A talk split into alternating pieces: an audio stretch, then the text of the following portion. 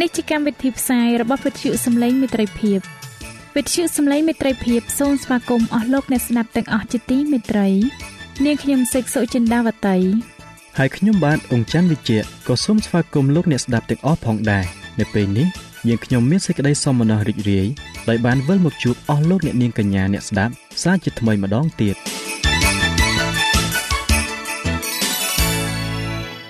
នាងខ្ញុំសេកសុចិន្តាវតី សូមជម្រាបជូនកម្មវិធីផ្សាយដែលមានជាបន្តបន្ទាប់ដូចតទៅនេតិជួបជាមួយព្រះបន្ទូលនេតិបទទំនាយនិងប្រវត្តិសាស្ត្រចា៎លោកអ្នកស្ដាប់ជាទីមេត្រី នាងខ្ញុំសូមគោរពអញ្ជើញអស់លោកលោកស្រី អ្នកនាងកញ្ញាតាមដានស្ដាប់កម្មវិធីផ្សាយរបស់វិទ្យុយើងខ្ញុំដូចតទៅ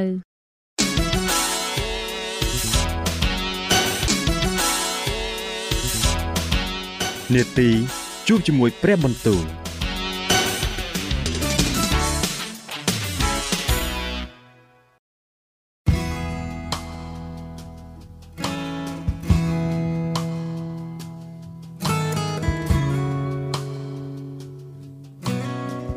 ចាអស់លោកអ្នកស្ដាប់ជាទីមេត្រី ជាដំបូងនាងខ្ញុំសូមអញ្ជើញលោកអ្នកនាងស្ដាប់នេតិជួបជាមួយព្រះបន្ទូលនេតិនេះនឹងលើកយកព្រះបន្ទូល ពីព្រះគម្ពីរអេស្រា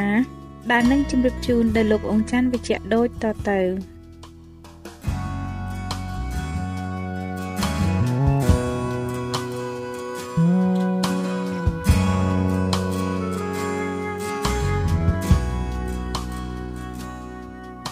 ព្រះគម្ពីរអេសារ៉ាចំពុកទី8រីឯពួកអ្នកជាប្រធានលើវងរបស់ឪពុកហើយតាមពងសាវតារបស់ពួកអ្នកដែលចេញពីក្រុងបាប៊ីឡូន ឡើងទៅជាមួយនឹងខ្ញុំក្នុងរាជស្ដេចអឺថាសឹកសេសនោះក្នុងពួកកូនចៅភីនេហាមានកេសុននិងពួកកូនចៅអ៊ីថាម៉ាមានដានីញ៉ែលក្នុងពួកកូនចៅដាវីតមានហាធុនិងពួកកូនចៅសេកានីខាងកូនចៅប៉ារុសនោះមានសាការីហើយតាមបញ្ជីជាតិនោះរាប់បានពួកប្រុសប្រុស150នាក់ដែលទៅជាមួយ ក្នុងពួកកូនចៅផាហាតម៉ូអាប់ មានអេលីយ៉ូណាយ ជាកូនសេរ៉ាហៀហើយមានពួកប្រុសប្រុស200នាក់ទៅជាមួយ ក្នុងពួកកូនចៅសេកានីមានកូនរបស់យ៉ាហាសៀលហើយមានពួកប្រុសប្រុស300នាក់ទៅជាមួយ ក្នុងពួកកូនចៅអេឌីនមានអេបេតជាកូនយូណាថាន ហើយមានពួកប្រុសប្រុស50នាក់ទៅជាមួយ ក្នុងពួកកូនចៅអេឡាំមានយេសាយ៉ាជាកូនអាថាលីហើយមានពួកប្រុសប្រុស70នាក់ទៅជាមួយ ក្នុងពួកកូនចៅសេផាធា មានសេបាឌៀជាកូនមីកែល ហើយមានពួកប្រុសប្រុស80នាក់ទៅជាមួយក្នុងពួកកូនចៅយូអាប់មានអូបាឌៀជាកូនយេហ៊ីអែលដែលមានពួកប្រុសប្រុស218នាក់ទៅជាមួយក្នុងពួកកូនចៅសាឡូមីតមានកូនរបស់យូស៊ីភាហើយមានពួកប្រុសប្រុស160នាក់ទៅជាមួយក្នុងពួកកូនចៅអេបាយមានសាការីជាកូនបេបាយហើយមានពួកប្រុសប្រុស28នាក់ទៅជាមួយក្នុងពួកកូនចៅអាស្កាត មានយូណាហានជាកូនហាកាថាន ហើយមានពួកប្រុសប្រុស110នាក់ទៅជាមួយក្នុងពួកកូនចៅអាដូនីកាម ដែលនៅក្រៅគេនោះមានឈ្មោះដូចនេះគឺអេលីផាឡេតយេអែលនិងសេម៉ាយ៉ាហើយមានពួកប្រុសប្រុស60នាក់ទៅជាមួយ ក្នុងពួកកូនចៅប៊ីកវ៉ាយមានអ៊ូថៃនិងសាប៊ូតហើយមានពួកប្រុសប្រុស70នាក់ទៅជាមួយខ្ញុំបានប្រមូលអ្នកទាំងនោះមកត្រង់មាត់ទន្លេ ដែលហូរទៅឯក្រុងអាហាវ៉ាយើងរាល់គ្នាក៏ដំឡើងត្រសាលនៅទីនោះ3ថ្ងៃ កំពុងតែខ្ញុំត្រួតមើលបណ្ដាជន និងពួកសង្ឃតែអត់មានឃើញពួកកូនចៅលេវីណាមួយ នៅទីនោះឡើយដូច្នេះខ្ញុំចាត់គេឲ្យទៅហៅអេលីសឺអេរៀលសេម៉ាយ៉ាអែលណាថានយ៉ារីបអែលណាថានណាថានសាការី និងមូស៊ូឡាម ជាผู้ប្រធានមកព្រមទាំងយូយ៉ារីបនិងអែលណាថាន ជាមនុស្សដែលប្រកបដោយប្រាជ្ញារួចខ្ញុំចាត់ពួកអ្នកទាំងនោះ ឲ្យទៅឯអ៊ីដោជាមេ ដែលនៅកន្លែងហៅថាកាសិភានិងពួកនេធានីមជាបងប្អូនលោកនៅត្រង់កាសិភានោះដើម្បីនឹងនាំពួកអ្នកសម្រាប់ធ្វើការងារក្នុងព្រះវិហាររបស់ព្រះនៃយើងរាល់គ្នាមកជាមួយផងហើយតាមដែលព្រះហស្ថល្អរបស់ព្រះនៃយើងរាល់គ្នាបានសន្ធិដ្ឋលើយើងនោះគេបាននាំមនុស្សម្នាក់ប្រកបដោយប្រាជ្ញា មកឯយើងពីពួកម៉ាស្លីជាកូនលេវីដែលជាកូនអ៊ីស្រាអែលព្រមទាំងសេរេប៊ីយ៉ានិងកូនចៅ ហើយបងប្អូនទាំងអស់មាន18នាក់និងហាសាប់យ៉ាហើយមានយេសាយ៉ាពីពីពួកកូនចៅម៉ារារីនិងបងប្អូន ហើយកូនចៅទាំងអស់រួមគ្នា20នាក់មកជាមួយឯពួកនេធានីមដែលដាវីតនិងអ្នកជាប្រធានបានថ្វាយសម្រាប់ជួយការងារពួកលេវីនោះមាន220នាក់ដែលសុទ្ធតែបានតម្រូវឈ្មោះរៀងរៀងខ្លួនរួចមកខ្ញុំបានប្រកាសប្រាប់ឲ្យមានការតមនៅមាត់ទន្លេអាហាវ៉ានោះ ដើម្បីឲ្យយើងបានមកទៀបខ្លួននៅចំពោះព្រះនៃយើងរាល់គ្នាប្រយោជន៍ទាំងសូមទ្រង់ឲ្យតម្រង់ផ្លូវយើងនិងកូនចៅហើយរបស់ទ្រព្យយើងទាំងអស់ផងធ្វើតែសូមទាហាននិងពលសេះពីស្ដេចឲ្យទៅរាំងរៀបពួកខ្មាំងសត្រូវតាមផ្លូវនោះនឹងនាំឲ្យខ្ញុំមានសេចក្តីខ្មាស់ពីព្រោះយើងបានទូស្ដេចហើយថាព្រះហស្ថនៃព្រះរបស់យើងរាល់គ្នាសន្ធិដ្ឋនៅនឹងអស់អ្នកដែលស្វែងរកទ្រង់ដើម្បីនឹងប្រោះឲ្យបានសេចក្តីល្អតែព្រះចេស្តានិងសេចក្តីក្រីក្រៅនៃទ្រង់ នោះទាស់នឹងអស់អ្នកដែលបោះបង់ចោលទ្រង់វិញដូច្នេះយើងរាល់គ្នាបានតមហើយសូមអង្វរដល់ព្រះនៃយើងពីដំណើរនេះហើយទ្រង់ក៏ទទួលស្ដាប់តាមយើងរួចមកខ្ញុំក៏ញែកមេពួកសង្ឃ12នាក់ចេញទុកគឺសេរេប៊ីយ៉ានិងហាសាប់យ៉ាព្រមទាំងបងប្អូនគេ10នាក់ឯទៀតរួចខ្ញុំថ្លឹងប្រាក់មាសនិងគ្រឿងប្រដាប់ទាំងប៉ុន្មានប្រគល់ដល់គេគឺជាដង្វាយសម្រាប់ព្រះវិហារនៃព្រះរបស់យើងដែលស្ដេចពួកសេនាបតី ពួកអ្នកជាប្រធានរបស់ទ្រង់និងពួកអ៊ីស្រាអែលទាំងអស់ដែលនៅទីនោះបានថ្វាយខ្ញុំថ្លឹងប្រាក់650ហាមគ្រឿងប្រាក់100ហាមនិងមាស100ហាមព្រមទាំងពេងមាស20មានតម្លៃ1000ដារីកហើយប្រដាប់ប្រដាធ្វើពីទង់ដែយ៉ាងភ្លឺដែលមានតម្លៃដូចជាមាសប្រគល់ដល់ដៃគេរួចខ្ញុំនិយាយទៅគេថាអ្នករាល់គ្នាជាមនុស្សបរិសុទ្ធដល់ព្រះយេហូវ៉ាហើយគ្រឿងប្រដាប់ទាំងនេះក៏បរិសុទ្ធដែរឯប្រាក់និងមាសនេះ ជាទង្វាយដែលថ្វាយស្ម័គ្រពីចិត្តដល់ព្រះយេហូវ៉ាជាព្រះនៃពួកអាយកោអ្នករាល់គ្នាដូច្នេះជុលប្រុងប្រយ័ត្ននឹងថែរក្សារបស់ទាំងនេះដល់រ៉ាប់ដល់អ្នករាល់គ្នាបានថ្លឹងទាំងអស់នៅក្រុងយេរូសាឡឹមប្រគល់នៅចំពោះមេពួកសង្ឃនិងពួកលេវីហើយនិងពួកដែលជាកំពូលលើវងរបស់ឪពុកសាសអ៊ីស្រាអែលដាក់ទៅក្នុងបន្ទប់នៃព្រះវិហាររបស់ព្រះយេហូវ៉ារួចជាស្រេចពួកសង្ឃហើយនិងពួកលេវីក៏ទទួលយកប្រាក់មាស និងគ្រឿងប្រដាប់ទាំងនោះតាមទម្ងន់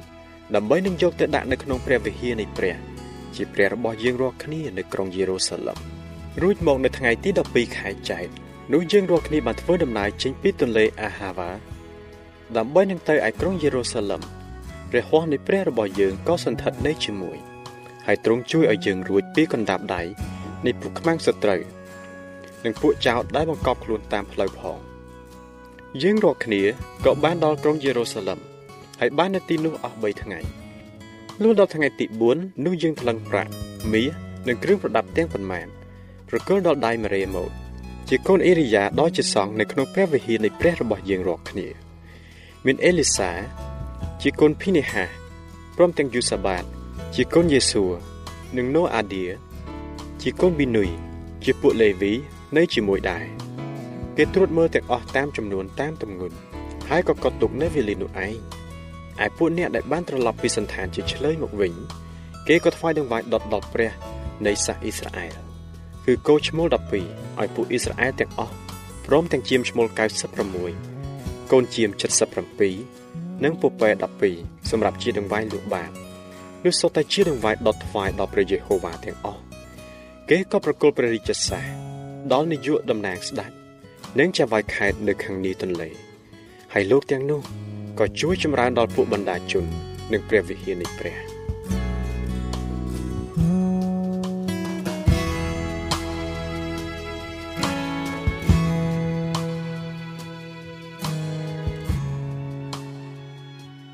ចា៎ប្រិយមិត្តអ្នកស្ដាប់ជាទីមេត្រី ដោយពេលវេលាមានកំណត់ យើងខ្ញុំសូមផ្អាកនាទីជប់ជាមួយ ព្រឹបបន្ទូលនេះត្រឹមតែប៉ុណ្ណេះសិនចុះ ដោយសន្យាថានឹងលើកយកនីតិនេះមកជម្រាបជូនជាបន្តទៀតនៅថ្ងៃច័ន្ទសប្តាហ៍ក្រោយ សូមអរគុណ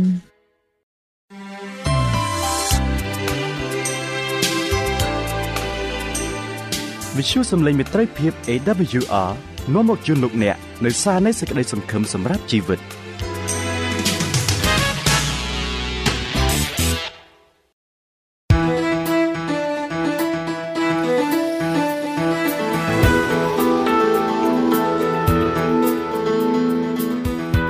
សូមជូននីតិបទទំនាយនិងប្រវត្តិសាស្ត្រ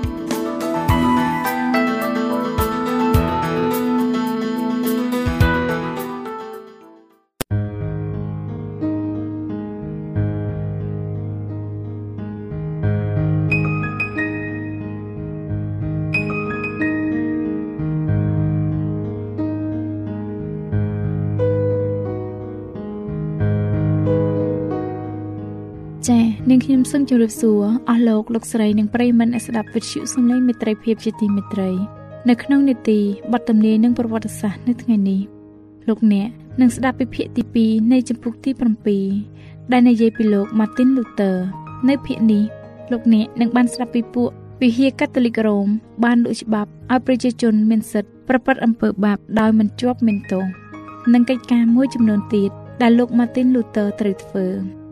ចា៎នាងខ្ញុំសូមគោរពអញ្ជើញលោកអ្នកតាមដានភាគទី2នៃចម្ពោះទី7ជាមួយលោកអនយរិទ្ធជាបន្តទៅទៀតដូចតទៅខ្ញុំបាទសូមជម្រាបសួរសូមឲ្យអស់លោកអ្នកបានប្រកបដោយព្រះគុណពីព្រះវរបិតានិងពីព្រះអម្ចាស់យេស៊ូវគ្រីស្ទនៅក្នុងការតាមដានស្ដាប់មេរៀននេះព្រះវិហាររ៉ូមបានយកព្រះគុណរបស់ព្រះធ្វើជាគ្រឿងលក់ដូរក្រោមសំណូមពរនៃការរីប្រកាសសម្រាប់សង់ព្រះវិហារ នៃសន្តបុគ្គលពេត្រុសនៅឯទីក្រុងរ៉ូមសម្ដេចសង្ឃរាជក៏ចេញអាជ្ញាឲ្យលក់ច្បាប់អនុញ្ញាតឲ្យប្រព្រឹត្តអំពើបាបគេបានសង់ព្រះវិហារសម្រាប់រកថ្វាយបង្គំព្រះដោយប្រើអំពើអក្រិតនៅពេលនេះហើយដែលសត្រូវដ៏ខ្លាំងពូកែរបស់លទ្ធិកាតូលិករ៉ូមនិយមងើបឡើង ហើយនាំគ្នាធ្វើចម្បាំងតែរញ្ជួយបលាំងនៃវិហារកាតូលិកហើយនឹងមកុដទាំង3ដែលនៅលើសេរិសានៃមហាសង្ឃរាជលោកថិតសិន ជាភ្នាក់ងារដែលបានរើសតាំងឡើងឲ្យរៀបចំការលក់ដូរនៅច្បាប់អនុញ្ញាតឲ្យប្រព្រឹត្តអំពើបាបនៅក្នុងប្រទេសអាល្លឺម៉ង់ត្រូវបានជាប់ទោសពីបទអសិលធម៌ទាស់នឹងសង្គមហើយនឹងក្រឹតវិន័យរបស់ព្រះប៉ុន្តែ គេបានជួលគាត់ឲ្យទៅបង្កើនឡើងថែមទៀតនៅគម្រោងការកេងយកចំណេញរបស់សម្ដេចសង្ឃនៅក្នុងប្រទេសអាល្លឺម៉ង់គាត់បានដំណើរប្រាប់រឿងคล้ายៗដ៏ច្បាស់ក្រឡែតហើយនឹងរឿងប្រឌិតដ៏ពិរោះស្ដាប់ ដើម្បីបញ្ឆោតជន់ល្ងងខ្លៅឬមនុស្សជឿជំនឿអកុសល ប្រសិនបើគេមានព្រះបន្ទូលរបស់ព្រះនោះពួកគេនឹងមិនជឿដោយងាយងាយឡើយប៉ុន្តែពួកគេឥតមានព្រះគម្ពីរទេ ព្រោះគេបានដកចេញពីខ្លួនអស់ហើយនៅពេលដែលលោកថិតសិនចូលភូមិណាមួយ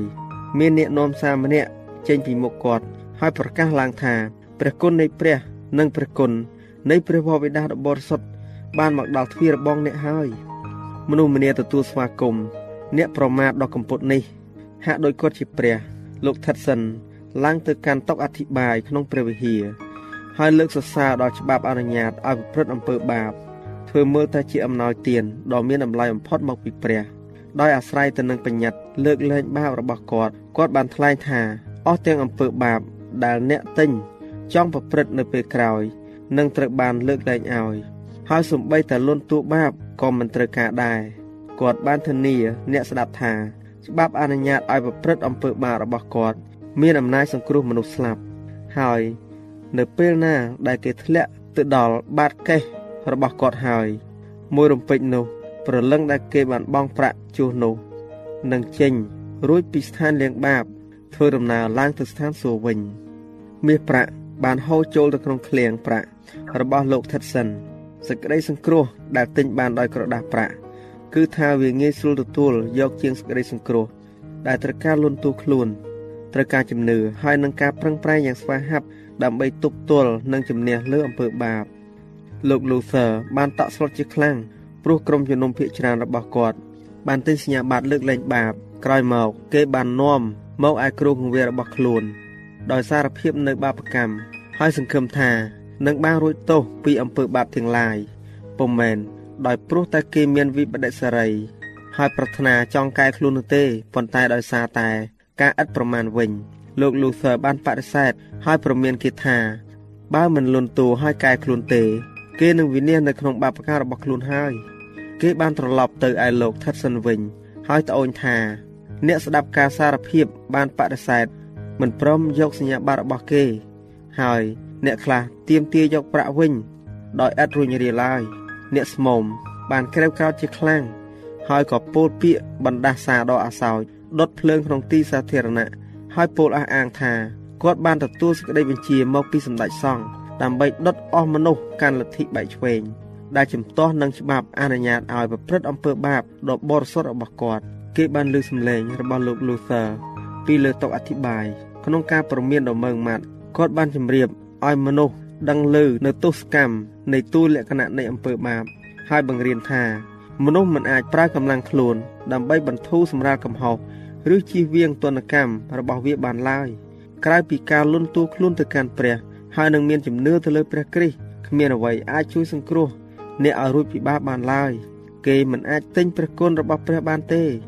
ពីព្រោះជាអំណោយទានដ៏ឥតគិតថ្លៃគាត់បានទូនមានដល់មនុស្សទាំងឡាយ មិនឲ្យទិញច្បាប់អនុញ្ញាតឲ្យប្រព្រឹត្តអំពើបាប តែឲ្យមើលទៅឯព្រះអង្គសង្គ្រោះ ដែលបានជាប់ឈើឆ្កាងនោះដោយជំនឿវិញ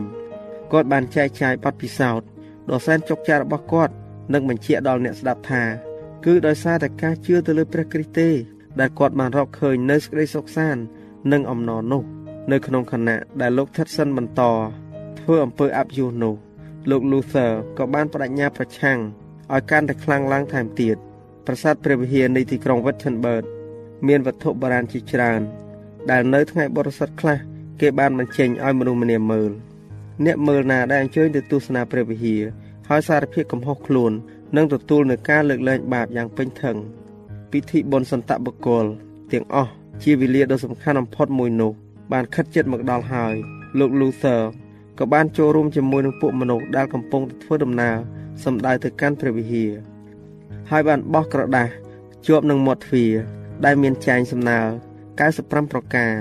ទាស់នឹងគោលលទ្ធិនៃការបណ្ដោយឲ្យប្រព្រឹត្តអំពើបាបតាមដំណេកសំណើរបស់គាត់បានទាញអារម្មណ៍មនុស្សពីគ្រប់សំណាក់គេបានអានហើយប្រាប់តតគ្នាគ្រប់ទិសទីសេចក្តីទាំងនេះបង្ហាញឲ្យឃើញថា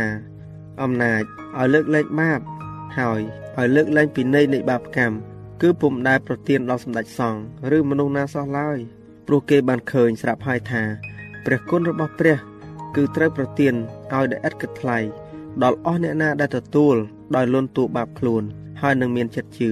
ការថ្លែងសេចក្តីរបស់លោក Luther បានលើសុសសាយទូទាំងប្រទេសអាល្លឺម៉ង់ហើយក្នុងពី3សប្តាហ៍នោះវាបានលើកខ្ជោះខ្ចាយពេញទ្វីបអឺរ៉ុបពួកកាតូលិកជាច្រើន បានអានសំណើដោយអំណរដោយកត់សម្គាល់នៅក្នុងចិត្តថាជាសម្លេងរបស់ព្រះ គេបានយល់ថា ព្រះបានដាក់ព្រះហស្ថទ្រង់ ដើម្បីបញ្ឈប់អំពើពុករលួយ ដែលកំពុងរៀបដាលឡើង ចេញមកពីទីក្រុងរ៉ូមពួកព្រះអម្ចាស់និងពួកចៅក្រមបានអបអរសាទរនៅក្នុងទីសម្ងាត់ដោយសារពួកគេដាក់ទំនប់ទប់អំណាចក្រអឺតក្រតោមដែលបដិសេធមិនឲ្យមានលទ្ធិតវ៉ានឹងអ្វីដែលគេវិនិច្ឆ័យហើយនោះពួកសាស្ត្រាចារ្យដ៏ឆ្លៀសវៃប៉ិនប្រសពបានចេះជួយជាខ្លាំងហើយបានឃើញគុណប្រយោជន៍របស់ខ្លួនស្ថិតនៅក្នុងភាពមិនស្រួលឃើញថាអ្នកកែតម្រង់ ត្រូវជួបប្រទះ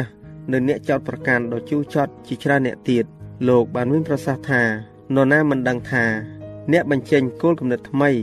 រមែងជាប់ចោតថាជាអ្នកបង្កចំនួននោះហេតុអ្វី បានជាគេសម្លាប់ព្រះគ្រីស្ទនិងអ្នកបដូរជីវិតទាំងអស់នោះ ពីព្រោះព្រះអង្គនិងអ្នកទាំងនោះមានគំនិតថ្មី ដោយពុំបានសូនអម្បូរមាន ពីសំណេរនៃសេចក្តីបង្រៀនពីបុរាណដោយដាក់ខ្លួនពីដំបងសិនសេចក្តីថ្កោលទោស ពីពួកសត្រូវការដែលគេមូលមកខូចគោលលំណងហើយនឹងការតិចទៀនដោយជូរចត់ដល់ចរិតលក្ខណៈរបស់គាត់បានធ្លាក់មកលើគាត់ដូចជាទឹកជំនន់គាត់បានមានទំនុកចិត្តថា ពួកអ្នកដឹកនាំទាំងឡាយនឹងរួបរวมជាមួយគាត់ដោយរីករាយដើម្បីកែតម្រង់មើលទៅខាងមុខគាត់បានឃើញ ថ្ងៃដែលភ្លឺចិញ្ចែងរះឡើង សម្រាប់ក្រុមជំនុំប៉ុន្តែការលើកទឹកចិត្តបានคล้ายទៅជាការថ្កោលទោសទៅវិញ ពួកអ្នកមានតំណែងខ្ពង់ខ្ពស់ជាច្រើននៅក្នុងព្រះវិហារនិងរដ្ឋបានយល់ថាការទទួលស្គាល់សេចក្តីពិតទាំងនេះនឹងស្ទើរតែធ្វើឲ្យខ្សោយដល់អាញាធររបស់រ៉ូមហើយខ្ទប់ច្រករាប់ពាន់ដែលលើកំពុងតែហូរចូលក្នុងឃ្លាំងទ្របរបស់ព្រះវិហារម្ល៉េះហើយអាចបង្ខាតដល់ភាពសម្បូររុងរឿងនៃពួកអ្នកដឹកនាំរបស់ព្រះវិហារកាតូលិកការបង្រៀនមនុស្សឲ្យបានសេចក្តីសង្គ្រោះដោយឲ្យគេមើលទៅឯព្រះគ្រីស្ទម្យ៉ាងប៉ុណ្ណោះនោះ នឹងអាចទម្លាក់បល្ល័ង្ករបស់សម្ដេចសង្ឃហើយទីបំផុតនឹងបំផ្លាញអំណាចរបស់គេផង ដូច្នេះហើយគេក៏បានរៀបចំខ្លួនគេទាស់នឹងព្រះគ្រីស្ទហើយនឹងសេចក្តីពិត ដោយសារការប្រឆាំងដល់ជនដែលទ្រង់បានបញ្ជូនមកដើម្បីបំភ្លឺដល់ពួកគេលោក Luther បានញាប់ញ័រនៅពេលដែលគាត់មើលមកកាន់ខ្លួនឯងជាមនុស្សម្នាក់ដែលប្រឆាំងនឹងអំណាចដ៏ខ្លាំងបំផុតនៃផែនដីគាត់បានសរសេរថាតើខ្ញុំជានរណាដែលហ៊ានជំទាស់នឹងព្រះករណា មហាសង្ឃរាជធ្វើឲ្យស្ដេចទាំងឡាយនៃផែនដី និងលោកីទាំងមូលញាប់ញ័រនោះគ្មាននរណាម្នាក់អាចដឹងថាខ្ញុំបានរងទុក្ខប៉ុណ្ណា ក្នុងកំឡុងពី3ឆ្នាំដំបូងហើយតូចចិត្តប៉ុណ្ណានោះដែរទេខ្ញុំហាក់បីដូចជាអស់សង្ឃឹមទៅហើយប៉ុន្តែនៅពេលដែលសេចក្តីពឹងផ្អែករបស់មនុស្សបានបរាជ័យទៅគាត់បានមើលទៅឯព្រះវិញព្រោះគាត់អាចប្តេកខ្លួនដោយសេចក្តីសុខសាន្តទៅលើព្រះហស្ថដ៏មានព្រះចេស្តាលោក Martin Luther បានសរសេរទៅមិត្តភ័ក្តិរបស់គាត់ម្នាក់ថាកតបកិច្ចទី1របស់សម្លាញ់គឺត្រូវបានចាប់ផ្ដើមដោយការអធិដ្ឋានកុំសង្ឃឹមអ្វីពីការងារឬពីការយល់ដឹងរបស់ខ្លួនឯងឡើយត្រូវទុកចិត្តទាំងស្រុងទៅលើព្រះ ហើយនឹងទៅក្នុងអធិពលនៃព្រះវិញ្ញាណបរិសុទ្ធរបស់ទ្រង់វិញ នេះជាមេរៀនដ៏សំខាន់បំផុត ចំពោះអ្នកដែលមានអារម្មណ៍ថា ព្រះបានហៅគេមក ដើម្បីបើកបង្ហាញសេចក្តីពិតដ៏ភ្លឺត្រចះត្រចង់ដល់អ្នកដទៃសម្រាប់សម័យនេះព្រោះក្នុងការប៉ះទង្គិចជាមួយអំណាចអាក្រក់យើងត្រូវការអ្វីមួយ ដែលលើសជាងបញ្ញានិងឧត្តមគតិរបស់មនុស្សទៅទៀតនៅពេលដែលស្ត្រីទាំងឡាយពឹងផ្អែកទៅនឹងទំនៀមទម្លាប់និងប្រពៃណី Martin Luther បានទប់ទល់ទៅនឹងពួកគេជាមួយនឹងព្រះគម្ពីរតែប៉ុណ្ណោះដោយបង្ហាញភ័ស្តុតាង ដែលគេឆ្លើយពំបាន សេចក្តីអធិប្បាយនិងសំណេររបស់លោក Martin Luther បានបញ្ចាំងកាមរស្មី ដាស់រលឹកនិងបំភ្លឺមនុស្សរាប់ពាន់នាក់ព្រះបន្ទូលរបស់ព្រះ គឺជាដៅមកពីចាក់ទម្លុះចិត្តនៃពួកបណ្ដាជនភ្នែករបស់ពួកបណ្ដាជនដែលសម្លឹងទៅឯសាសនពិធីរបស់មនុស្សនិងអ្នកសម្រុះសម្រួលជាយូរមកហើយនោះឥឡូវគេងាកដោយសេចក្តីជំនឿមកឯព្រះគ្រីស្ទនិងការជាប់ឆ្កាងរបស់ទ្រង់វិញ សេចក្តីចាប់ចិត្តយ៉ាងខ្លាំងដែលរាលដាលពីពេញនេះនឹងធ្វើឲ្យអាជ្ញាធរនៃវិហាររ៉ូមភ័យខ្លាចម្ល៉េះហើយគេក៏បានកោះហៅឲ្យលោក Martin Luther មកឯទីក្រុងរ៉ូមមិត្តភ័ក្តិទាំងឡាយរបស់គាត់បានដឹង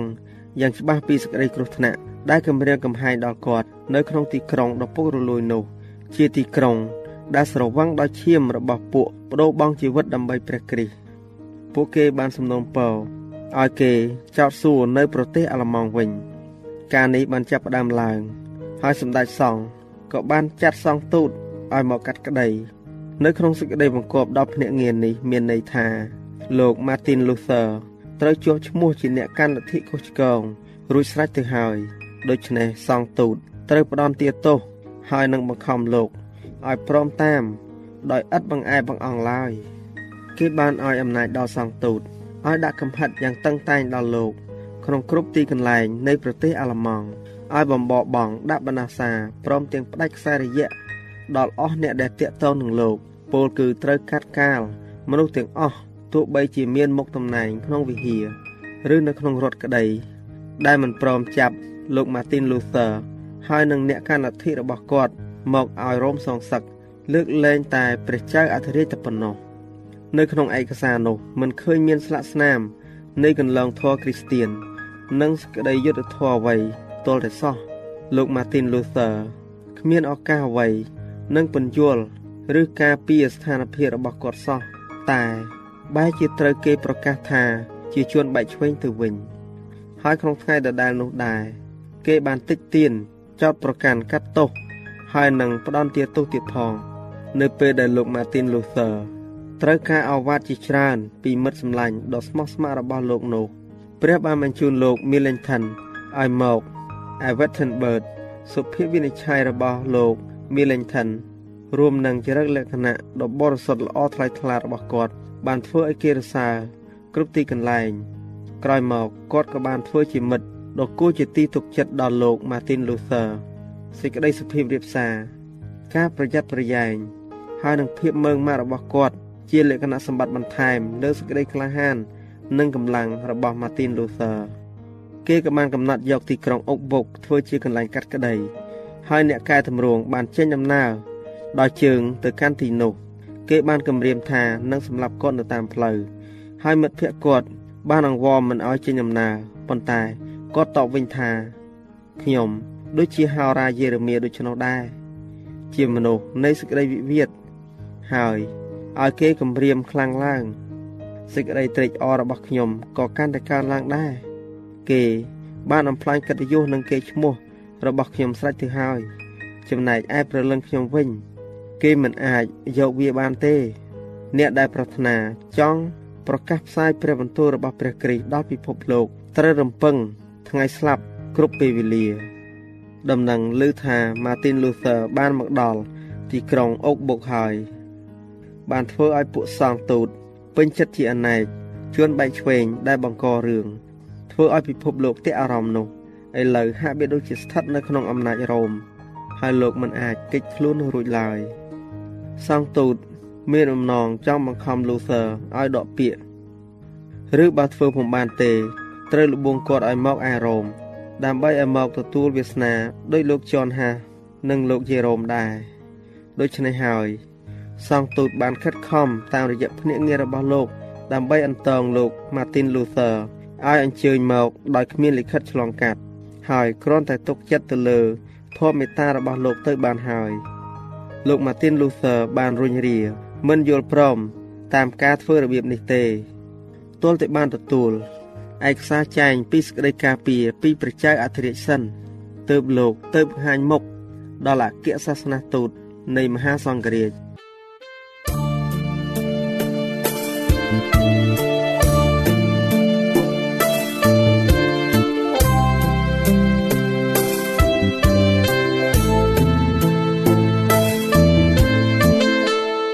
សិនជាលោកអ្នកមានសំណួរឬសំណុំពរអ្វីសូមតាក់ទងមកការិយាល័យវិទ្យុយើងខ្ញុំ តាមអាស័យដ្ឋានផ្ទះលេខ15ផ្លូវលេខ568សង្កាត់បឹងកក់2ខណ្ឌទួលគោករាជធានីភ្នំពេញលោកអ្នកក៏អាចសរសេរសម្បត្តិផ្ញើមកយើងខ្ញុំ តាមរយៈប្រអប់សម្បត្តិលេខ488ភ្នំពេញឬតាមទូរស័ព្ទលេខ012 34 96 64ឬ097 80 81 060ឬក៏តាមរយៈអ៊ីមែល vol@awr.org យើងខ្ញុំរងចាំទទួលស្វាគមន៍អស់លោកអ្នកនាងដោយក្តីសោមនស្សរីករាយហើយលោកអ្នកក៏អាចស្ដាប់កម្មវិធីនេះឡើងវិញ ដោយចូលទៅកាន់ website របស់វិទ្យុយើងខ្ញុំ តាមរយៈអាស័យដ្ឋាន www.awr.org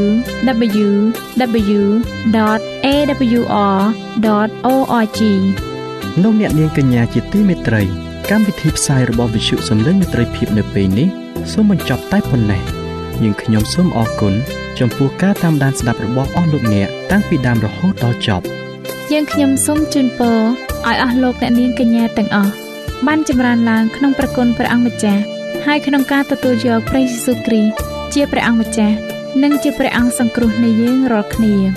នាទីផ្សាយរបស់វិទ្យុយើងខ្ញុំនឹងវិលមកជួបអស់លោកអ្នកសាជាថ្មីម្ដងទៀតនៅថ្ងៃស្អែកវេលាម៉ោងដដែលនាងខ្ញុំសេកសុចិន្តាវតីនិងខ្ញុំបាទអ៊ំច័ន្ទវិជ្ជៈសូមអរគុណសូមជម្រាបលា